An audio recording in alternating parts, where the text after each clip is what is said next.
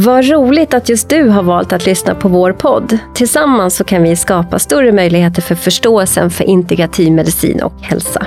Är du intresserad av det så bli gärna medlem i vår förening och en del av vårt nätverk. Mer information om det här kommer i slutet av avsnittet. Vi spelar in på psykoterapimottagningen Integrativ hälsa på Södermalm i Stockholm. Och vid min sida, han som vet hur mycket man har att vinna på att bli sockerfri, poddens producent Fredrik Ankarsköld. Min gäst idag är Bitten Jonsson. Varmt välkommen! Tack!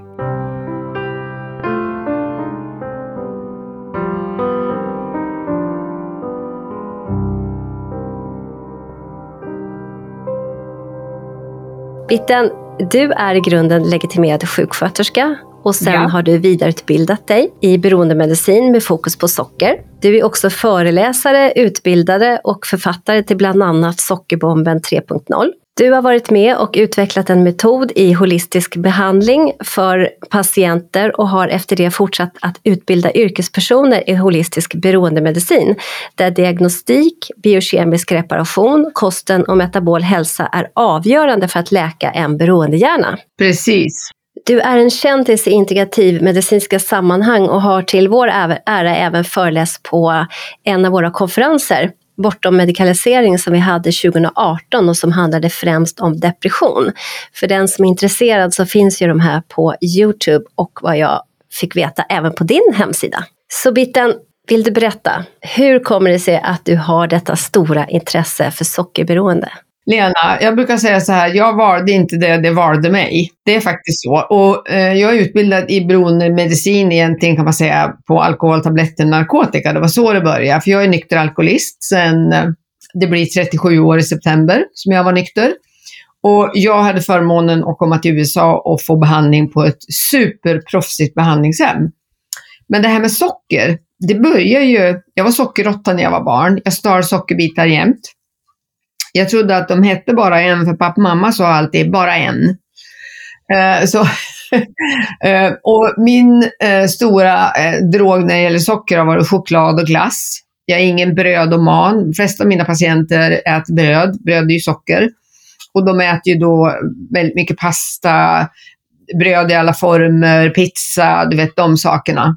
Och jag är tacksam att jag inte har just den lasten för att man blir faktiskt sjukare av det som mm -hmm. sockerberoende. Ja, mm -hmm. Jag kan berätta mer om det sen. Ja, gärna. Men eh, så eh, det var så det började för mig och jag älskade det. Och så när jag växte upp, alltså även genom sjukvårdsskolan, vilket idag kan vara skrämmande att erkänna och berätta, men jag kunde ingenting om näringslära. Jag fick inte lära mig någonting i sjukvårdsskolan om det. Ät normalt, sa man bara, men vad var det? Och jag har ju varit med då, jag är född 52, så jag har ju fått vara med och sett den här enorma utvecklingen av processad mat. Och även här, otroligt tacksam att jag växte upp i en familj där det fanns bara rena råvaror. Vi köpte kött av bonden och vi köpte ägg och vi köpte mjölk och grönsaker var inte så populärt på den tiden, eller det fanns helt enkelt inte. Tomater och gurka. Och lite frukt. Men vi åt mycket bär som vi plockade själva då. Så jag, jag hade förmånen att få växa upp så i alla fall. Men när jag då kom upp i tonåring och fick fickpengar, då var det ju choklad och glass. Och jag tänkte ju inte att det var konstigt att äta choklad till lunch eller middag. Mm -hmm. eh, alltså det var inte skräpmat för mig. Utan det var ju bara gott och kul. Men i alla fall, jag började dricka när jag var 19, var i behandling för min alkoholism när jag var 33, började röka också när jag var 19 och det gjorde jag enbart för att gå ner i vikt, alltså som en aptitdämpare. Det var det jag lärde mig. Att det var det, det var, var, Hur lanserades det egentligen, alltså nikotin och cigarett? I sjuksköterskeskolan. Mm. Du vet, sätt ihop ett gäng brudar i ett, ett sånt där elevhem Ja, vi pratar ju bantning hela tiden och vi bantade genom att svälta oss på dagarna eller äta keso eh, och frukt. Och än ja. idag avskyr det. Men jag tänker också att just cigaretterna en gång i tiden ja. lanserades ju av läkare i reklam, på reklam liksom. Som ja, absolut, att ta en paus, det här är bra ja, för nervsystem, alltså typ så. Lugn, lugna och, ner. Men eh, det, vad jag fick höra av de stora flickorna när jag gick sjukvårdsskolan, det var att det dämpade aptiten, för då kunde man röka istället för att äta. Mm. Så det var därför jag gjorde det. Och jag var ju hooked direkt. Och det var ju likadant när jag började dricka, jag älskade alkohol. pang, jag var ju liksom kär i alkoholen på tre sekunder ungefär, första gången. Eh, och det visar ju att jag var en beroendehjärna, men det kunde jag ju ingenting om då. Men alltså det var så det som ledde mig in. Men sen när jag hade varit nykter i sju år, efter min behandling då, då så hade jag bestämt mig för att sluta röka. För att jag läste om, en, eller hörde på en amerikansk föreläsare en studie som visar att om du fortsätter att röka, om du är nykter alkoholist eller narkoman och fortsätter att röka och dricka en massa kaffe och slarva med maten och inte sköta om dig, då har du högre risk att återfalla. Vilket ju för mig är självklart idag. Men jag tänkte så här, va? Vad har det med varandra att göra? Du vet, det fanns ju ingenting om det på den tiden i de här stödgrupperna jag gick och alla rökte och alla åt som de ville och det var ingen som pratade någonting om äta nyttigt.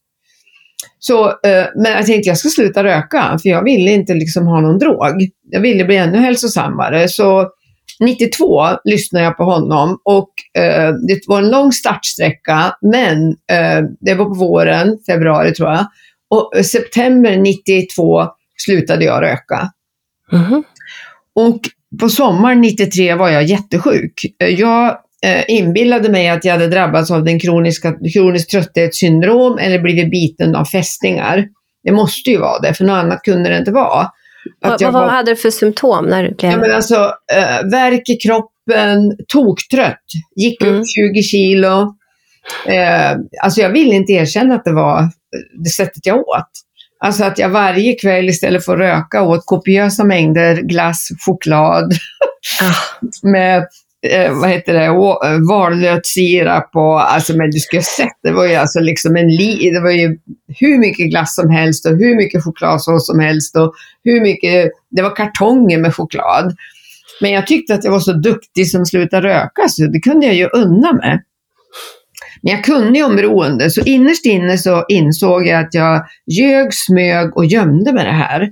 Och det är ju verkligen ett tecken på beroende, för ingen människa ljuger, gömmer och smyger med kokt torsk och gurka.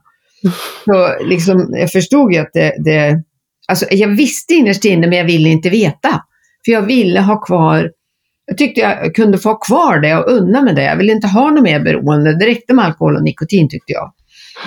Men eh, så, sommaren 93, då var jag jättedålig och då pratade jag med en amerikansk kollega som var här och utbildade oss och så säger jag till henne att hur i hela världen kunde jag sluta röka och sluta dricka, men jag kan inte sluta med choklad och glass. Eller jag sa inte sluta, jag sa nog, hur kan, varför kan jag inte minska? Sa jag. Och det är ju roligt i sammanhanget mm. när det gäller droger då. Eh, och då så säger hon så här, eh, you might be a food addict. Och jag tittade helt chockat på henne, jag hade aldrig hört den termen. A food addict, vad är det för något? Och då tänkte ju jag mat, matberoende. Jag var ju inte matberoende, jag har aldrig hetsätit fläsk eller torsk eller, förstår du? Så Mm. det, jag gillade inte termen, jag gillar den inte än idag. Jag säger ju sockerberoende eller sugar addiction, för det är det som är den psykoaktiva Mm. Eh, Mm. På molekylnivå liksom, i Ja. praktiken, eller hur? Ja. Ja, jag brukar, inte säga, jag brukar säga att kokt torsk har aldrig eh, eh, hoppat på mitt belöningscentrum. Nej. Nej, så att det gäller ju att förstå skillnaden där. Och en del Mm. säger kolhydratberoende. Ja, det kan jag hålla med om. Men då blir det det här tjafset om, ja men det, det är kolhydrater i tomater då. Men du vet, då blir det, oh, så socker och så förklara vad det är. Så kör jag. Men i alla fall, jag åkte till USA då hösten 93, så det var då mitt tillfrisknande började med det här. Och gick en eh, veckobehandling kan man säga på ett sjukhus som heter Lutheran General Hospital, hette det då, i Chicago. Och träffade de som hade skapat, alltså att jobba med behandling på socker, matberoende, på samma sätt som man gjorde med alkoholtabletter och narkotika. Eh, För mig är det inget konstigt, det är beroende är beroende. Så det är sa- samma sak. Mm, det, så är det ju för mig också som Ja. psykoterapeut. Att, att eh, det finns eh, nycklar där som är, som är sam, same same och så väljer vi våra same. olika droger. Liksom. Ja, precis. Och när vi diagnostiserar använder vi ju samma kriterier. Det var det att man säger ah, eh, eh, när du drack alkohol, när du åt socker. Liksom. Det är Mm. precis samma Mm. frågor och allting. Ja. Eh, Så att det var så min resa började. Och fortfarande kunde jag ingenting om mat och näringslära. Utan vi tog bara bort det som var synligt liksom. Och kämpade jättemycket och jättemycket sug och, dålig i magen och alla möjliga konstiga saker. Och det var ju det här som gjorde att jag kom in på funktionsmedicin så småningom. Mm. För jag hörde talas om candida. Eh, att om man åt mycket skräp så kunde man få candida. Och det var ju alltså... Mm, och candida för de som inte vet vad det är, Ja, det så är det ju svamp. Ja, det är svamp. överväxta svamp. Ja. överväxta svamp i mag-tarmkanalen som man får när man äter mycket kolhydrater och socker och skräpmat och processad mat. Ja. Men jag måste bara få fråga, eh, backa lite grann bara. Det måste Ja. ju, du kom in, du fick din första behandling för ditt alkoholberoende Mm. i USA. ja. Eh, USA har ju liksom gått i bräschen måste man ju säga för den här kunskapen och du är ju den som har tagit hit det till Sverige ursprungligen. Eller hur? Ja, en av dem. Det fanns ju fler före mig, men då tog de hit bara det man kallar Minnesota-modellen. Ja, mera neuroscience och helheten. Det har jag plockat in så småningom då. Mm, jo, men jag tänker just det här eh, förståelse för just socker som sockermolekylen. Och du, du skulle egentligen jättegärna få kunna få berätta hur du, hur du förklarar skillnaden där. Men först tänkte jag bara fråga, att du fick din behandling i USA, det, det är ju att vara, verkligen vara i bräschen och kunna få komma dit. Hur kommer det sig? Vem var det som liksom kände till den här behandlingen? Hur kom, hur kom det sig att du kom dit? Ja, men jag träffade min eh, dåvarande man, för detta man nu, i Stockholm. Eh, och han var här och jobbade med eh, Sveriges Silicon Valley, som man sa, Järfälla. Han var civilingenjör. Och vi träffades i Stockholm. Så jag följde med honom tillbaka, egentligen bara för att besöka först och se. Men jag blev ju kvar då och började jobba som sjuksköterska. Och det var ju tack vare det, och det var tack vare att han träffade en kvinna på ett flygplan som han beklagade sig för att jag drack för mycket. Så han frågade henne, eh, tror du att jag kan få min fru att dricka mindre? Och då frågade hon, ja men hur dricker hon? Ja, när hon dricker, hon kan hålla sig länge, men när hon dricker, då blir det på tok för mycket och det, hon blir jättefull. Ja, men sa den här kvinnan då, då är hon ju alkoholist. Alltså det är bara alkoholister som gör det gång på gång. Så då behöver hon ju behandling. Så han frågade henne, ja vart finns det bra behandling då? För han visste ju ingenting om det här. Och då fick han det här namnet Capistrano by the Sea i Newport Beach i Kalifornien. Och så visade det sig att det var då ett av USAs allra bästa behandlingshem. Väldigt progressiva, väldigt modern. Alltså Mm. de jobbar ju med eh, multidisciplinärt team. Eh, de skickade mig till University of Irvine i en liten skolbuss under tiden jag var i behandling och lyssna på att ta en tvåpoängskurs i dopaminresearch, alltså dopaminerga receptorerna. Va? Det här är alltså var ju... 1985, vad ger du för det? Wow! Det vet jag inget behandlingshem i Sverige som ens uh, Nej. har tänkt Men vi göra har- någon gång. Men vi har ju folk med sådana idéer att Ja, eh, man ska absolut. lägga in det i behandling. Så Ja, det är, det är jätteintressant. Ja. Det är jätteviktigt, verkligen. Och det var ju då jag var så intresserad också av hjärnan och biokemi och neurotransmittorer och receptorer. Och, så att det har ju liksom kommit pusselbitar till mig under resans gång som är fantastiskt. Och jag har mött helt underbara människor som har gett mig massor med pusselbitar. Mm. Vad var de bärande nycklarna just i, bortsett från den här utbildningen då, i den första behandlingen du fick för din alkoholism? Att det var en sjukdom. Det var ju det som var skamavlastande. Det var en hjärnsjukdom och redan då introducerades jag till ASAM, American Association of eh, Addiction Medicine. American Society of Addiction Medicine, asam.org. Eh, Eh, och de startade ju 1954 med att alkoholism var en sjukdom. Och det var en kronisk sjukdom, den var progredierande, men den var dödlig, men behandlingsbar. Så det var vad jag fick lära mig redan då. Och det fanns ju inte så mycket forskning, men för dem var det så självklart. Och de, det gänget bestod ju av eh, läkare, som många var alkoholister, nyktra alkoholister själva. Och sen har jag följt ASAM i alla år och jag är, supportmedlem, eller det heter man får vara stödmedlem liksom. Jag är inte läkare så jag kan inte gå in i det så då. Eh, och följt dem eh, och följer deras definition och 2011 kom de med den senaste definitionen som säger då att det är en hjärnsjukdom. It's a medical physical brain illness. Alltså en fysisk hjärnsjukdom men med fysiska, psykiska, sociala och andliga konsekvenser. Och jag vet ingen läkarförening som, eller läkare, någon behandlingsmodell någonstans som säger att man kan ha andliga konsekvenser av en sjukdom. Nej, det... det tycker jag är så häftigt så det är inte sant.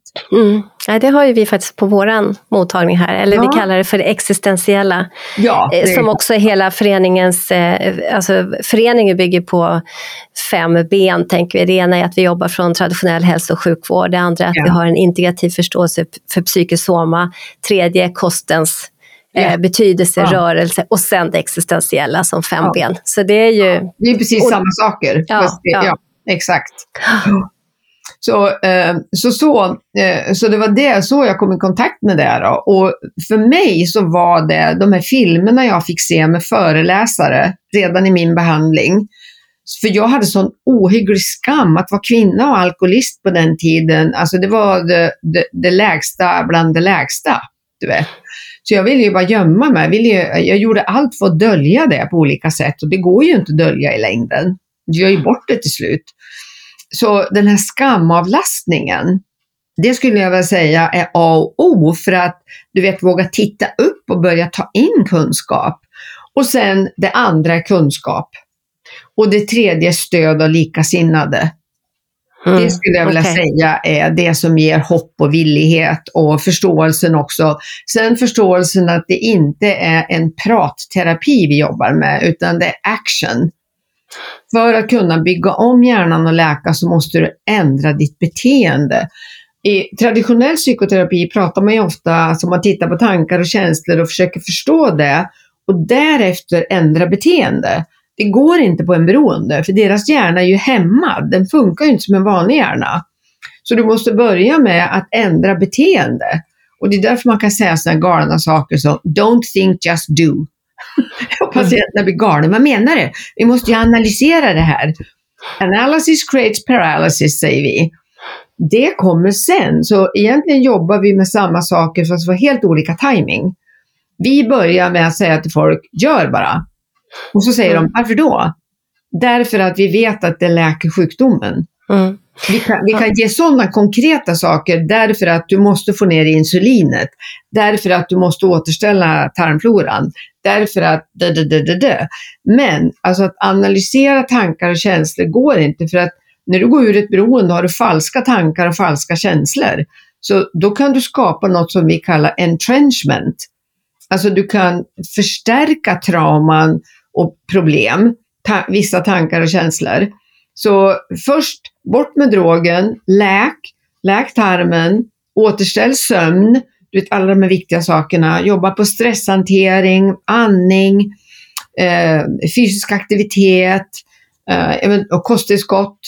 Eh, så vi har de punkterna först och, sen, och så säger vi, tänk inte bara gör, tänk inte bara gör. Tills för, för det som jag eh, jobbar mycket med idag, du vet förr när vi skrev matdagbok, då skrev vi känslor. Då åt jag det och då kände jag. Det gör jag aldrig nu, utan jag har sagt till mina patienter att du ska bara kolla energinivån. För att det är när vi återställer energin på alla delarna i kroppen, då kan du börja göra egna val. Det är då du kan börja se vad du behöver jobba med. Mm. Men det är inte dag ett liksom. Jag tror att eh, eh på vår mottagning här så är vi ju, eh, jobbar kommer det in en hel del beroende personer. Mm, eh, och, och jag använder lite andra ord vad du använder, men vi gör, jag, eller jag ska säga så här utifrån, jag ska inte prata för alla, utan jag ska prata från mig själv, att jag gör som du Mm, eh, gör.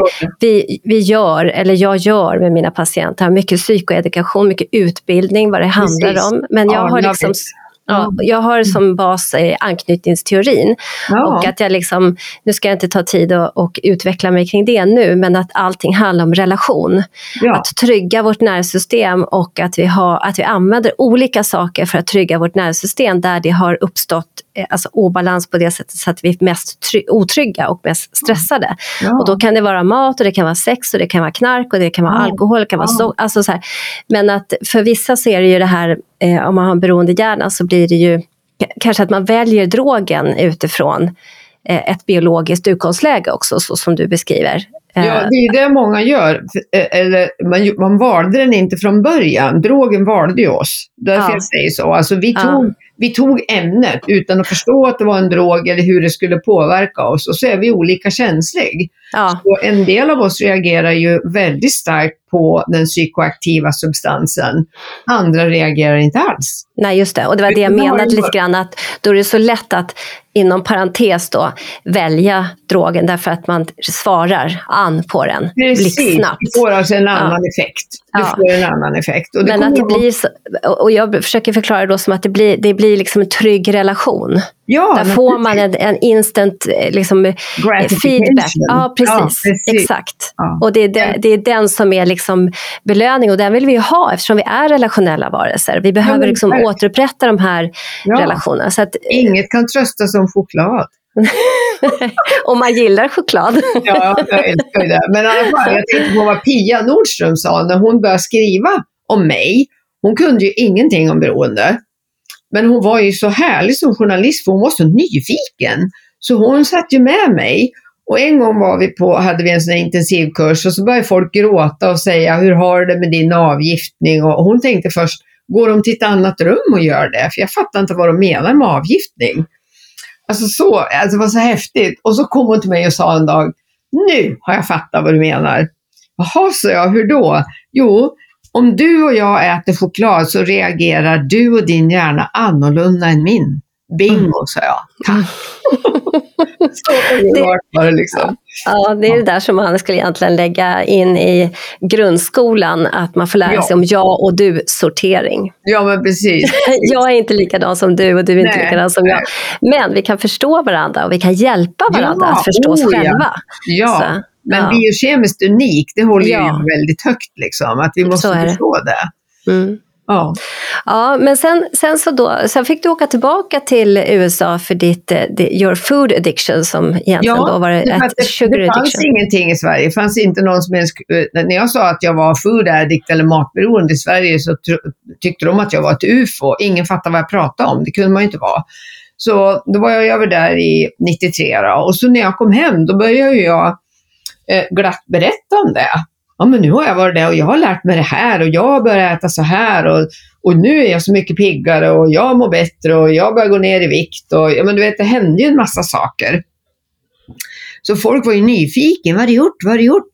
Och så sa jag, ja men nu vet jag att jag är eh, food addict och, eh, och då så var det någon som sa, är det inne att säga i USA? Är det därför du säger det?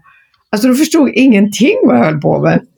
Men eh, det började ringa folk till mig och säga, vet du att eh, kan jag få prata med dig för jag är matalkoholist, sa de då. Det var många som använde, använde den termen då. Jag håller på att äta ihjäl mig och jag har försökt allt, Viktväktarna 14 gånger och piller och pulver och, och ingenting hjälper, jag klarar inte av det. Och, och så tänkte jag, men herre min ge, det här är ju större än jag trodde. Så 94 startade jag en stödgrupp. Bara alltså en, vi var bara några som samlades och började prata om det här. Eh, och sen 95 startade jag första behandlingen. Eh, och sen när jag verkligen började se hur sjuka de här människorna var och missförstådda och felbedömda och du vet allt det här. Så började jag ju utveckla då olika sätt att hjälpa dem. Alltså lägga in mer och mer pusselbitar. Eh, och Eh, mycket var ju det här när jag eh, läste eh, Peter Wilhelmssons bok om Candida, så, tänkte, så liksom följde poletten ner. Det är klart att tarmen blir trasig. Och hur gluten är slipmedel på tarmluddet och mikrobiom. Vi hade inte det ordet mikrobiom då, tarmflora sa vi. Och så vidare och så vidare. Men alltså du vet, det började komma bitar här och så läste jag en amerikansk bok om en holistisk behandlingsmodell. Där det fanns alltså psykologer och psykiatriker och psykoterapeuter och läkare och eh, specialister och du vet, eh, sjukgymnaster och eh, alltså eh, holistiskt synsätt. Och jag tror att det ringer väldigt starkt i många av oss sjuksköterskor, för egentligen så vi lever ju i ett samhälle, jag tänkte på vad Peter Martin sa på den här konferensen, one ill, one pill. Det tog jag ju till mig. Och den konferensen var ju den här som, nämnde, som jag nämnde Ja. i början, depressionskonferensen, Ja, precis, bortom medikalisering, så var han Ja. en av föreläsarna. Ja, som också Då- finns på Youtube. Ja, Där din finns. min- ja bra. Nej, men då myntade ju han det och jag var bara, ja men så är det ju. Det ska vara liksom ett symptom och jag brukar också skoja och säga att om man har ont i fingret går man till fingerdoktorn och ont i tån går man till tådoktorn och de vet inte ens om varandra. Fast det kan vara samma problem och, och det där har jag sett så många gånger. Så jag kände liksom att som sjuksköterska, vi är holistiskt tänkande och vi är rätt tränade i det, att se helheten och vet, stämma av och läsa av allt det här. Så då tänkte jag att det finns ju inte alls inom beroendemedicin. Det är ju bara psykosocialt synsätt. Trasiga leksaker, då blir du alkoholist, eller du har inget jobb, eller du behöver en hund, eller ett, ja, någonting sånt, för då slutar du dricka och knarka. Vilket jag insåg var ju helt galet när det var en hjärnsjukdom.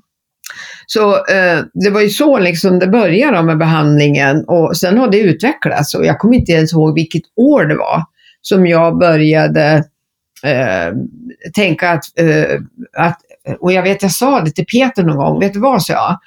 Beroendemedicin och funktionsmedicin måste gifta sig med varandra. Och så började jag läsa mycket, det fanns ju mycket mer funktionsmedicinska böcker i USA. Så jag började läsa många av de böckerna och det var liksom, och jag minns när jag hittade definitionen på ortomolekylärmedicin.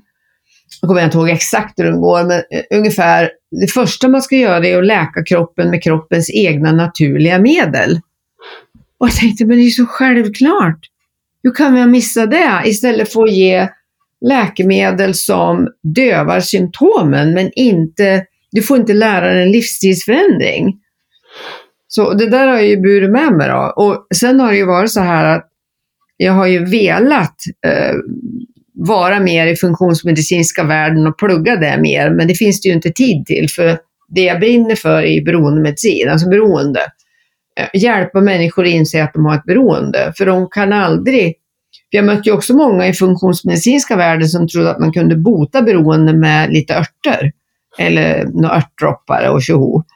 Och då dånar man ju liksom. När man förstår, det går liksom inte, det är kroniskt. Så då började jag säga till många där att, men är det inte smartare att ni upptäcker dem och skickar dem till oss först? Så hjälper vi dem med beroende, så de kliva ur det. Sen ska ju ni ta över dem och jobba med dem. Så det där vart ju i alla fall eh, så att jag kunde integrera funktionsmedicin i behandlingsmodellen. Vad spännande. Ja, lång historia, men Mm, ja. nej, men jätte, jättespännande, verkligen. När skrev du boken Sockerbomben 3.0? 2016, men den är ju, den första skrev jag ju 2004. Mm. Och sen kom det en uppdatering 2010. Mm. Uh, och då, uh, det mest spännande i den tycker jag, när vi skrev till Livsmedelsverket och frågade hur mycket high fructose corn syrup, alltså modifierat majsstärkelse som fanns i produkter i Sverige och någon snorkigt svarade att det vet väl inte vi, det får du fråga industrin.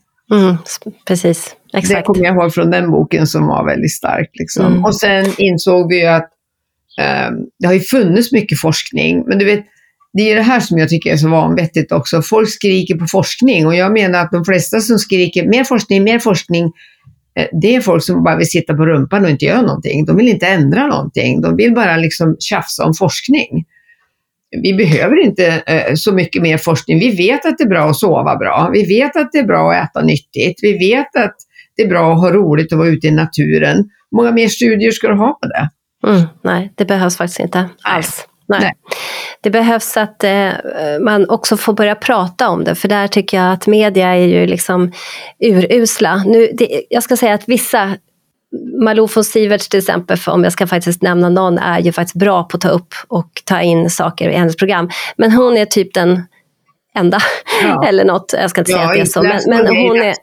Nej. Nej, alltså det är väldigt, väldigt lite som media tar upp och på något sätt så de är public service liksom. Och det, ja. vi får inte, vi vet ju vi som har jobbat inom det här så länge och försökt få igenom information och kunskapsutbyte mm. och så vidare, att det, eh, de plockar sällan den, tar sällan emot den bollen om man säger så. Absolut inte. Och det, det tycker jag att eh, det har de skyldighet att göra.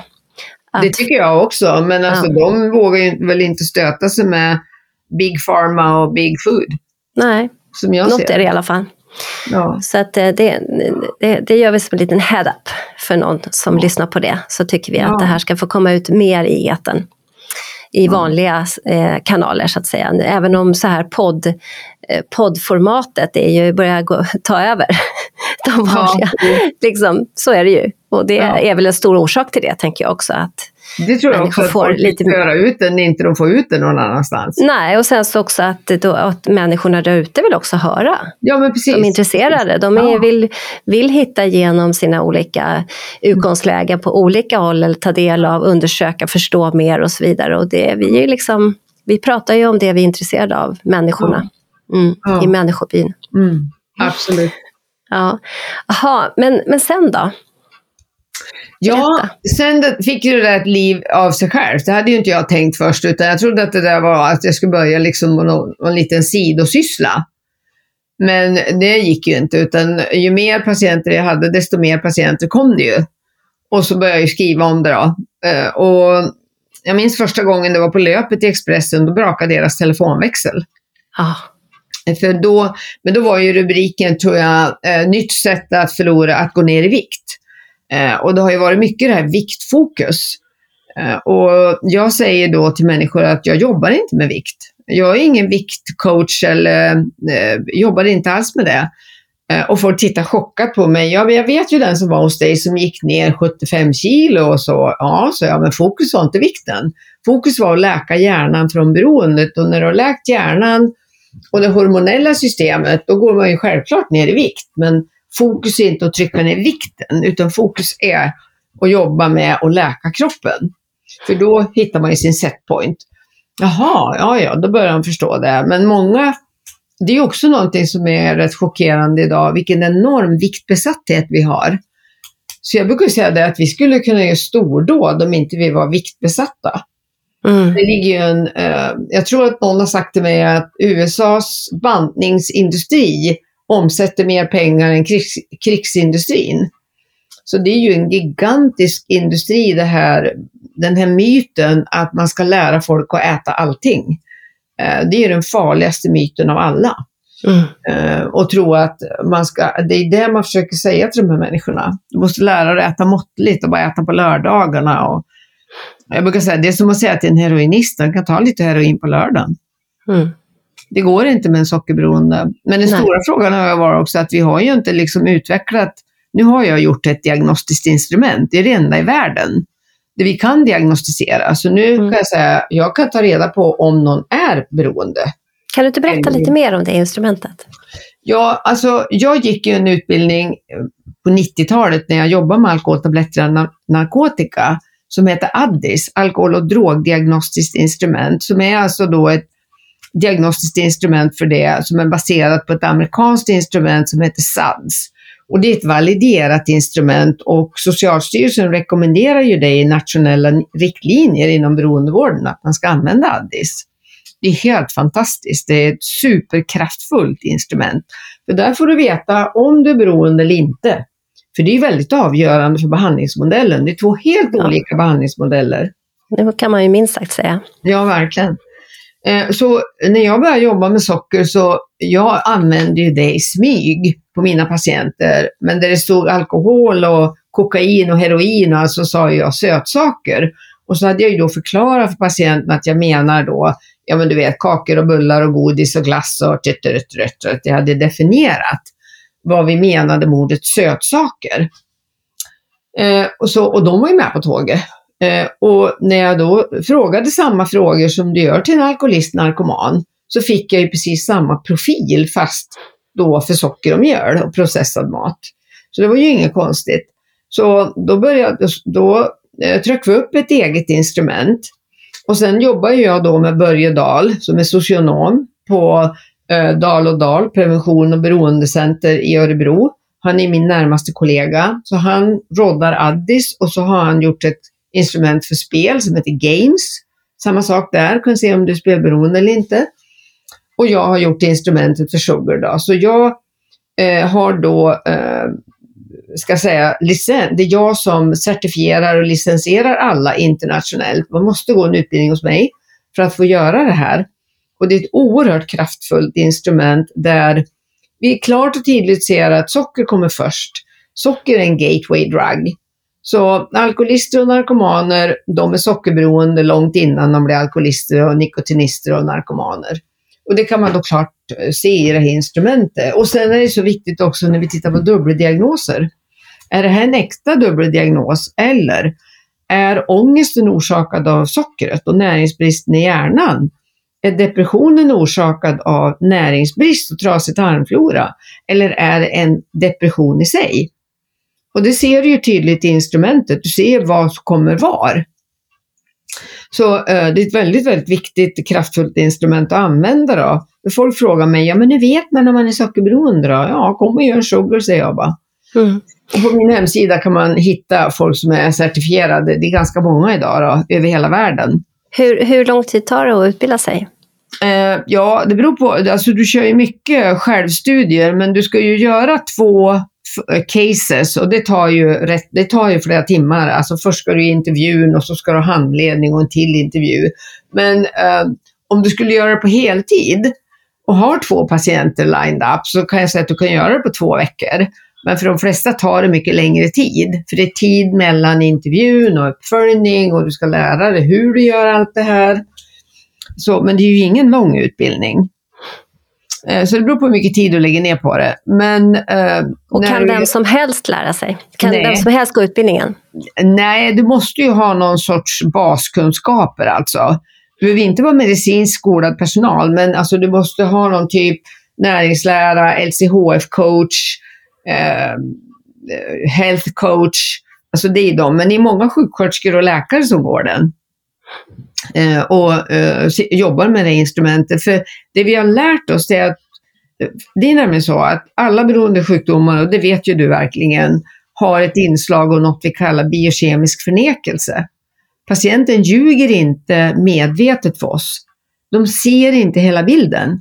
Och det är min roll som terapeut att koppla ihop connect the dots, alltså få ihop och säga ja men kan det vara så här att det här beror på det här? För jag menar att så många idag som jobbar med människor med den här problematiken och metabol hälsa, de sätter hästen bakom vagnen. Och det tog jag upp på den här konferensen jag var när du var med också, att vi måste börja se, eh, våga titta längre bak och se hur kan det ha börjat? Kan det vara så att du är inte deprimerad. Du har ett sockerberoende och du har en otroligt trasigt mikrobiom. Du har totalt kaos i signalsubstanserna i hjärnan. Du har näringsbrist, fettbrist, jag menar, kan ras, bla bla bla bla. Eh, kan det vara det som gör att du inte har någon energi? För jag brukar fråga patienter när de säger ja, jag känner mig deprimerad. Då sa vi ju det är screening för depression i instrumentet, vi gör screening på sidan. Och så kan de ha höga poäng eller mycket ja där. Och så brukar jag titta på dem och säga, okej, okay, kan det här vara eh, energibrist på cellnivå? Det är ett uttryck jag använder med mina patienter. Mm, mm. Och då kan du tro att, tänka att, men vem ska förstå det? Men det förstår de. Mm. Vet du att de gör så här, va? Double take liksom. Men vad sa du? Kan det vara så att du har energibrist på cellnivå? Men det har ingen sagt, men det är precis så det är. Jag orkar ingenting, jag orkar ingenting. Och så äter de socker för att få en kort boost och så sjunker de djupare ner. För socker dränerar ju kroppen på energi. Så att det är liksom upp, djupare ner, lite mm. upp, ännu djupare ner och så vidare. Så när de kommer eh, och är man helt slut energimässigt, då är ingenting kul. Då känner man sig deprimerad. Men det är inte en depression där vi kan titta på en orsak och behandla liksom bara depressionen. Utan ja, vi måste verkligen titta på helheten. Och det intressanta är att när man byter kost på de här patienterna så brukar de få tillbaka energin beroende på hur sjuka de är och ålder ska jag säga. Tre veckor till tre månader. Och då mm. kommer de ju och säger så här, jag har aldrig mått så här bra på flera år. Nej. Jag vaknar tidigt på morgonen och jag är trött på kvällen och tänk vad blommorna luktar gott den där våren och alla färger är så vackra.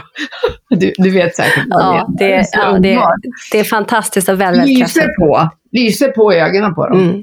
Och, men när ni, ja förlåt. Ja, nej, men just det här att byta bränsleblandning, det är min pet peeve så att säga, att alltid börja med det för att de ska förstå och se vad som händer när vår delikata, känsliga kropp får rätt näring. Precis. Du kan inte ge den skitmat. No Nej, way.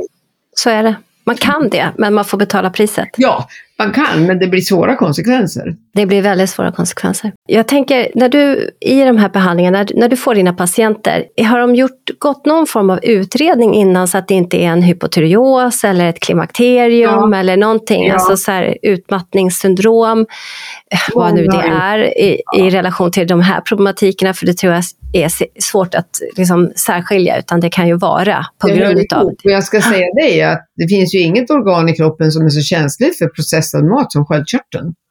Så när, och när vi gör funktionsmedicinska screeningar så är ju den alltid, alltid larm på binjurar, candida, sköldkörtel, alla biomarkörerna kollar vi ju. Eh, Så det ser vi ju klart och tydligt att det är hemska siffror.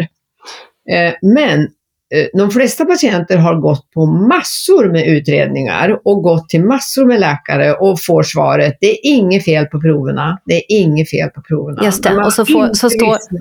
Nej, Precis, och då står de där och, utan, och får inget, det är inget fel på dig. Det är inget fel på Så, dig. ja, jag förstår. För Ja, det kan, jag kan tänka att det är viktigt att det se. är oftast. Ja, Och ett fåtal har, eh, du vet, fått diagnosen hypotyreos och fått läkemedel för det och blivit bättre en period, men sen blir det sämre igen. Därför att de fick inte veta hur man lägger om livsstilen och läker sköldkörteln. Utan de fick bara piller ett tag som boostar lite och sen är vi tillbaka ner igen. Det är så det funkar. Och likadant binjurarna. Vi jobbar ju vi jobbar med saltshot, vi jobbar med B5, magnesium, eh, adrenal. Vi jobbar ju med flera olika sätt. Stresshantering. Eh, jag gör energilistor med mina patienter. Vad tar energi? Vad ger energi? Ja, men du kan Mm. allt. mm, Ja, Men alltså vi jobbar ju på många olika plan om jag säger så. mm, För i och med att du har konsekvenser fysiskt, psykiskt, socialt och andligt så måste du ju lägga in program, eller friskfaktorer kallar vi det för, på alla fyra. Du kan såklart. inte ha en haltstol, liksom fyra ben, va? Och då måste du balansera hela stolen hela vägen. Mm. Därför jobbar vi på alla nivåer. Jobbar ni liksom Ja, eh, Mm. jobbar ni liksom enligt en modell eller jobbar ni personcentrerat så att ni liksom utgår från den enskilda patienten eller har ni så att säga en modell som alla får samma och så, ja, Nej, men det går ju inte att ge samma, men det är ändå en sorts protokoll, tycker jag. Inte modell kallar jag det för, utan en sorts protokoll. Alltså vissa saker som man gör med en beroende patient när det gäller maten och liknande. Det är ju ungefär lika, men sen måste ju varje patient hitta sin bränsleblandning mellan fett, kolhydrater och protein. Du kan ju, någon kan ju inte ta min matplan och så tro att det skulle funka. Eh, så jag menar, vi jobbar individuellt fast eh, ändå är det flera saker som är lika. Vi vet att man behöver kunskap, stöd. Eh, vi jobbar mycket med avgiftning, detox. Vi använder olika kosttillskott där. Ja, alltså det, är- där finns det ett sorts protokoll. Men alla reagerar inte lika på det. Så att om du ger ett kosttillskott du gillar till tio patienter så kommer en del att säga händer ingenting. Och en del säger åh, så dålig mage så jag dör liksom. Så det går ju inte att ha något, eh, vad ska jag säga, något strikt protokoll så, men det finns ramar. mm, jag förstår. Det fin- finns ramar och vad- alltså, verksamma mekanismer och ett protokoll väl är bättre eh, Alltså det är väl ett bättre förklaringsmodell, att det finns att man behöver liksom göra check på ett x antal parametrar som är viktiga i det här. Ja, och vi säger Ja. så här till patienten, det är därför det är så viktigt att göra sugar och se att vi har en korrekt diagnos. Och, och sugar visar också väldigt, väldigt starkt hur illa ställt det är. Och jag demonstrerar det gärna för någon gång resultatet, för det är rätt eh, skarpt att se eh, Mm. vad det är vi får fram med 67 frågor. Mm. Eh, Det ska jag gärna ta del av. Ja, ja, jag visar det gärna. För många säger wow, kan man få fram det där? Viktkurva och progressionskurva och konsekvenser och hej och eh, Och då, när patienterna ser det här så är det många som liksom börjar gråta och säger att eh, alltså det är fruktansvärt att se alla de här åren när inte jag har fått hjälp. När, när ingen har förstått det här eller kunnat se det här hos mig och jag har ju definitivt inte förstått det som jag har skämts och kämpat. Och nu behöver jag inte göra det. Så vad skönt, jag är inte tokig, jag är inte galen, jag är inte dum i huvudet. jag har liksom ett problem som jag har eh, hanterat helt fel. Jag har inte fått rätt verktygslåda. Mm. Och då är det så att vissa saker är ju så här, då är du beroende, då måste du bort med allt socker, allt mjöl, alla processade produkter och triggermat för många som kan vara då mjölkprodukter utom smör och ghee, det brukar funka på alla. Men nötter, frön, alltså det är några saker mm. som triggar socker. Är det det? Nötter och frön också? Ja, ja, ja, ja mm. absolut. Väldigt mycket Men kan inte, jag tycker det skulle passa jättebra om du vill berätta lite skillnaden på, du sa det här, du brukar gå in och förklara socker, just alltså som sockermolekylen är något annat än eh, de som, eh, att det här med food addiction. Då sa du så här, men ja, det är något annat med alltså, socker. Ja, men alltså om det fanns något som heter matberoende, alltså att maten, all mat var en drog för oss, eh, då skulle du ju inte kunna gå och tillfriskna. Det skulle ju vara kört. Alltså det är ungefär som att säga att du blir sjuk av luft. Hur ska det gå till? Du måste andas. Så därför är det så viktigt att förstå att vad är det som hjärnan reagerar på? Ja, det är ju alla former av socker och det som blir socker i dig. Så det är ju kolhydrater, alltså stärkelserika grönsaker är det ju. Så man kan säga att vi är väldigt kolhydratkänsliga. Vår hjärna reagerar på blodsockersvängningar på ett sätt som inte andras hjärnor gör. Våra kroppar reagerar annorlunda. Man kan också säga att vi har en sorts, eh, egentligen en överaktiv bukspottkörtel. Alltså den producerar oproportionerligt mycket insulin. Om du tittar på grädde, grädde har inte mycket kolhydrater. Men för oss, vi kan trigga på grädde. Alltså vi kan få insulinpåslag av grädde och får vi insulinpåslag, då åker ju allt socker in i cellen och så blir det för lågt i blodkärlet och då får vi craving. För hjärnan och ögats vävnad kan ju inte lagra socker. Så då, när det sjunker fort, då blir ju vi dingebollen och vill ha mer. Så det är mycket sånt här man måste förstå när det gäller då skillnaden på en sockerberoende och en som kanske bara har ett skadligt bruk. Mm. För de kan man lära äta eh, måttligt av allting. Och, och, vi brukar säga så här att skadligt bruk, då kan du ställa frågan varför äter du? För att jag är ledsen, för att jag är stressad, för att jag vill fira, för att det tillhör kulturen. Där är ordet varför korrekt att ta reda på och analysera ordentligt. I vilka situationer? Vad är det som gör det? Men en beroende har ju ett primärt kontrollförlust. Du kan inte ställa frågan varför äter du? För då skulle svaret vara, fast det förstår inte patienten innan de har fått utbildning, att jag äter för att jag är beroende. Förstår du? Det, mm. ja, det, det finns inget varför. Det finns inte, jag, jag bara äter. Jag, jag ja, går ja, i lådorna och hämtar socker. Och... Jag vill ha det. Och allt, allt mm. jag gör, alla försvar, alla galna saker jag gör, ett sätt att skydda drogen. Jag vill ha kvar drogen. Eller mm. mitt belöningscentrum vill ha kvar det, drogen. Ja, så det är den personen som alltid går och drar i lådorna och ser alltid till att ha de där godispåsarna hemma eller sockerråttan ja. som inte har något varför. smyger ska du veta ja. Gömmer, ljuger, smyger. För det är någonting, för ja men du äter väl inte så mycket, jag har inte sett dig äta så mycket. Nej, inte när med dig eller? Alltså, vi har ju stashen hemma i smyg. Mm. Men det luktar ju inte på oss som alkohol gör.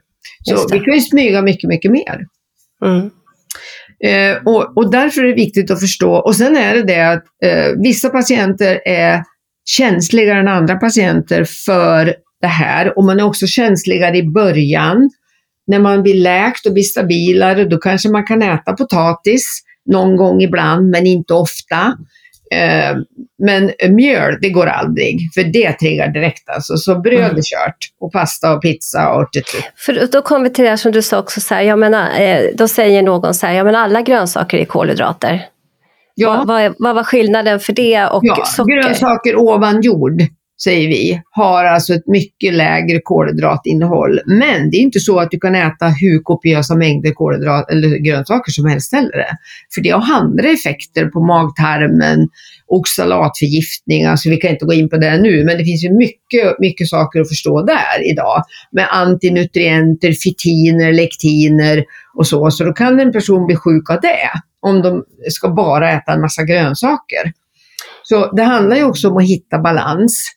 Och sen är det ju så här, vilket många inte förstår, jag jobbar absolut inte med ätstörningar. Jag använder inte ens ordet, för det anser jag tillhöra psykologer, psykiatrin och allt det. För då är det en orsak till att något har gått snett. Eh, beroende har uppstått med drogen, det är primärt. Så jag jobbar med beroende. Men mina patienter svälter sig, de hetsäter, de kräks, de tokbantar, de eh, volymäter. Så då är frågan, vad är då det? Jo, det är vårt sätt att försöka kontrollera den här galna cravingen, suget som uppstår när vi blir beroende. Det är ett sätt att försöka kontrollera hetsätandet, vikten, men vi tappar hela tiden taget. Så du vet, då späker vi oss ett tag och sen hetsäter man som en tok.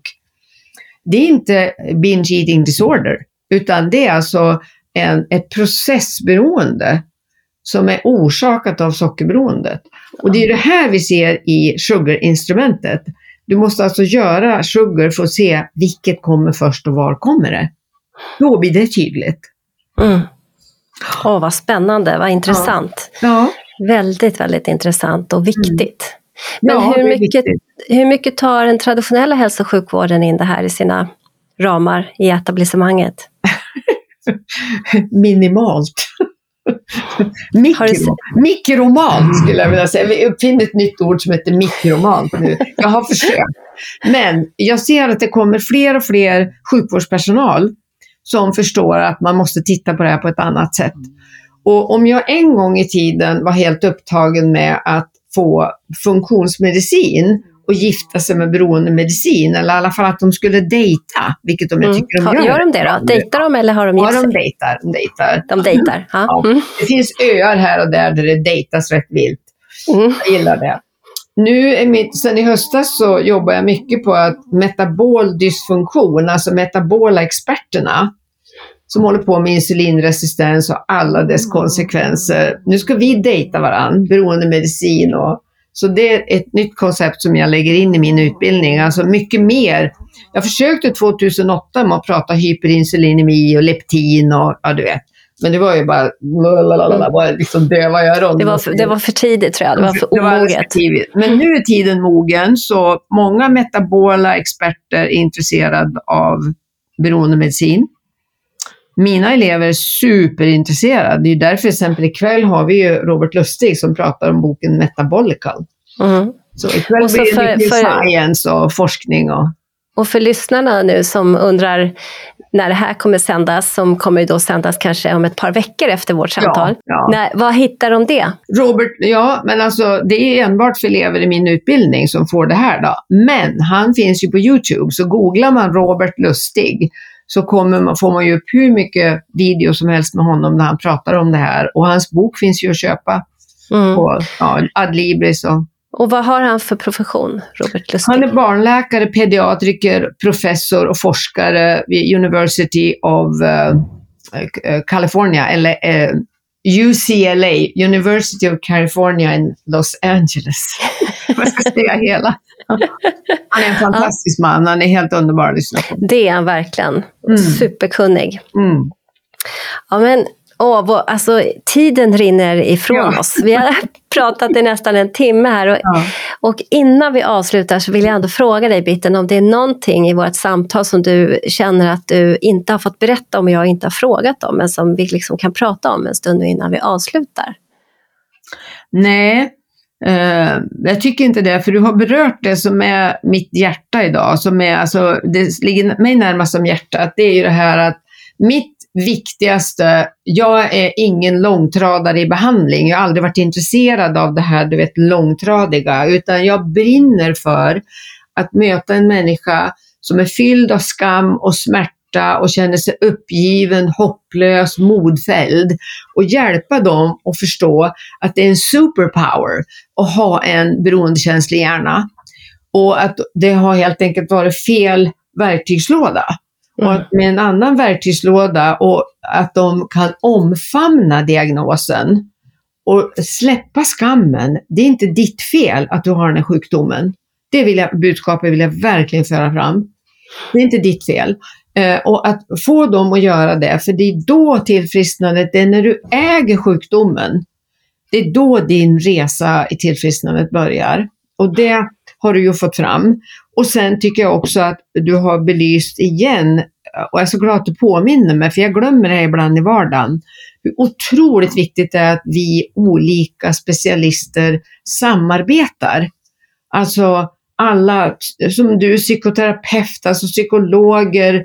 Vi har ju Georgia Edie med i kursen också. Hon är food psychiatrist, en av de första i världen. Så att vi har ju, det har börjat hänt saker, men vi behöver samarbeta över gränserna mycket Mm. mer. Mm. Det är så mycket ta- vattentäta skott inom vården i Sverige. De för sig och de för sig och somatiskt här och psykiskt där. Och, alltså, vi måste blanda allt det här Mm. och så måste vi jobba ihop.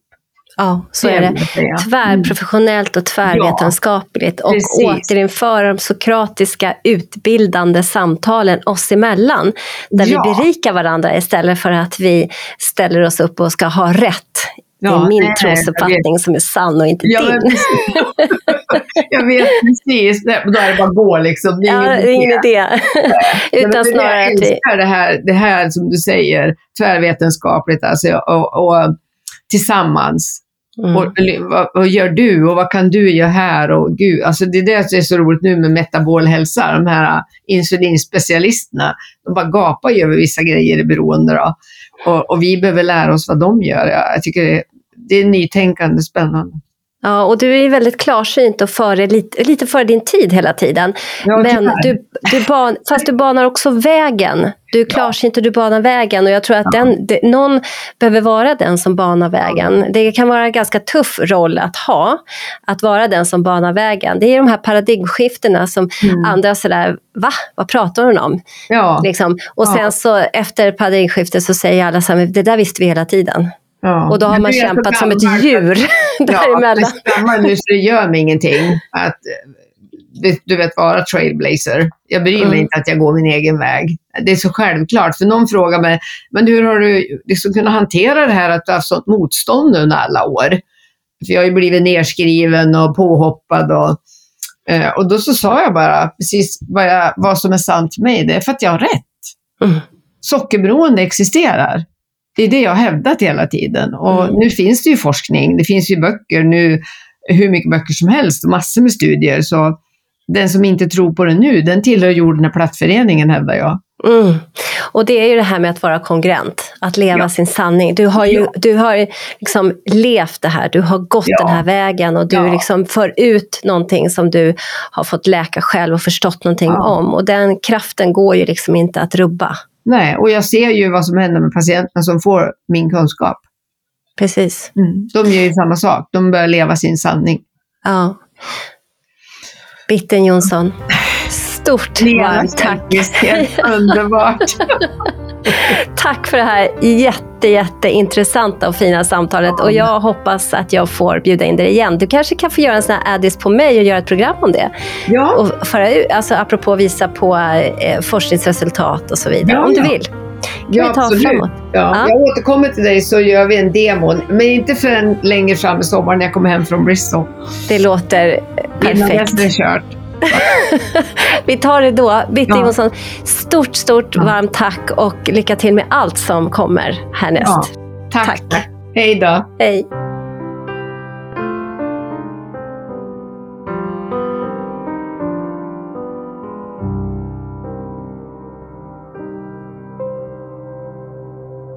Både och istället för antingen eller en podd om integrativ medicin och hälsa är skapad och drivs av Svensk förening för integrativ medicin och hälsa, FIM. FIM är ursprungligen en yrkesförening för legitimerad vårdpersonal. Vi representerar sjuksköterskor, dietister, fysioterapeuter, läkare, psykoterapeuter, psykologer, tandläkare för att nämna några. Idag omfattas våra medlemmar även av associerade medlemmar som inte behöver vara legitimerade. Föreningens arbete vilar mot den vetenskapliga grund för integrativ medicin och hälsa som finns, såväl svensk som internationell och på systemisk förståelse av människan i sin miljö. Vår förenings arbetssätt har hittills varit att arrangera konferenser, seminarier och folkbilda genom att sprida information, exempelvis via sociala medier. Vår strävan inom integrativ medicin är att vara en organisation som vågar lyfta och ifrågasätta, motverka polariseringar genom tvärvetenskapliga dialoger och sokratiska samtalsregler. Vi vill kartlägga forskning som bedrivs, även internationellt, och hålla koll på aktuella forskningsresultat om behandlingsmetoder, både vad det gäller den etablerade vården liksom den vård som bedrivs utanför den etablerade vården. Sokratiska samtalsregler innefattas i den sokratiska samtalsformen som egentligen all grundläggande kunskap är sprungen ur, men som ibland till och med lyser med sin frånvaro i dagens public service. Så bli gärna medlem hos oss, för tillsammans kan vi förändra. Och hur du blir medlem hittar du via vår hemsida integrativ-medicin.se. Vi ses och hörs i nästa avsnitt.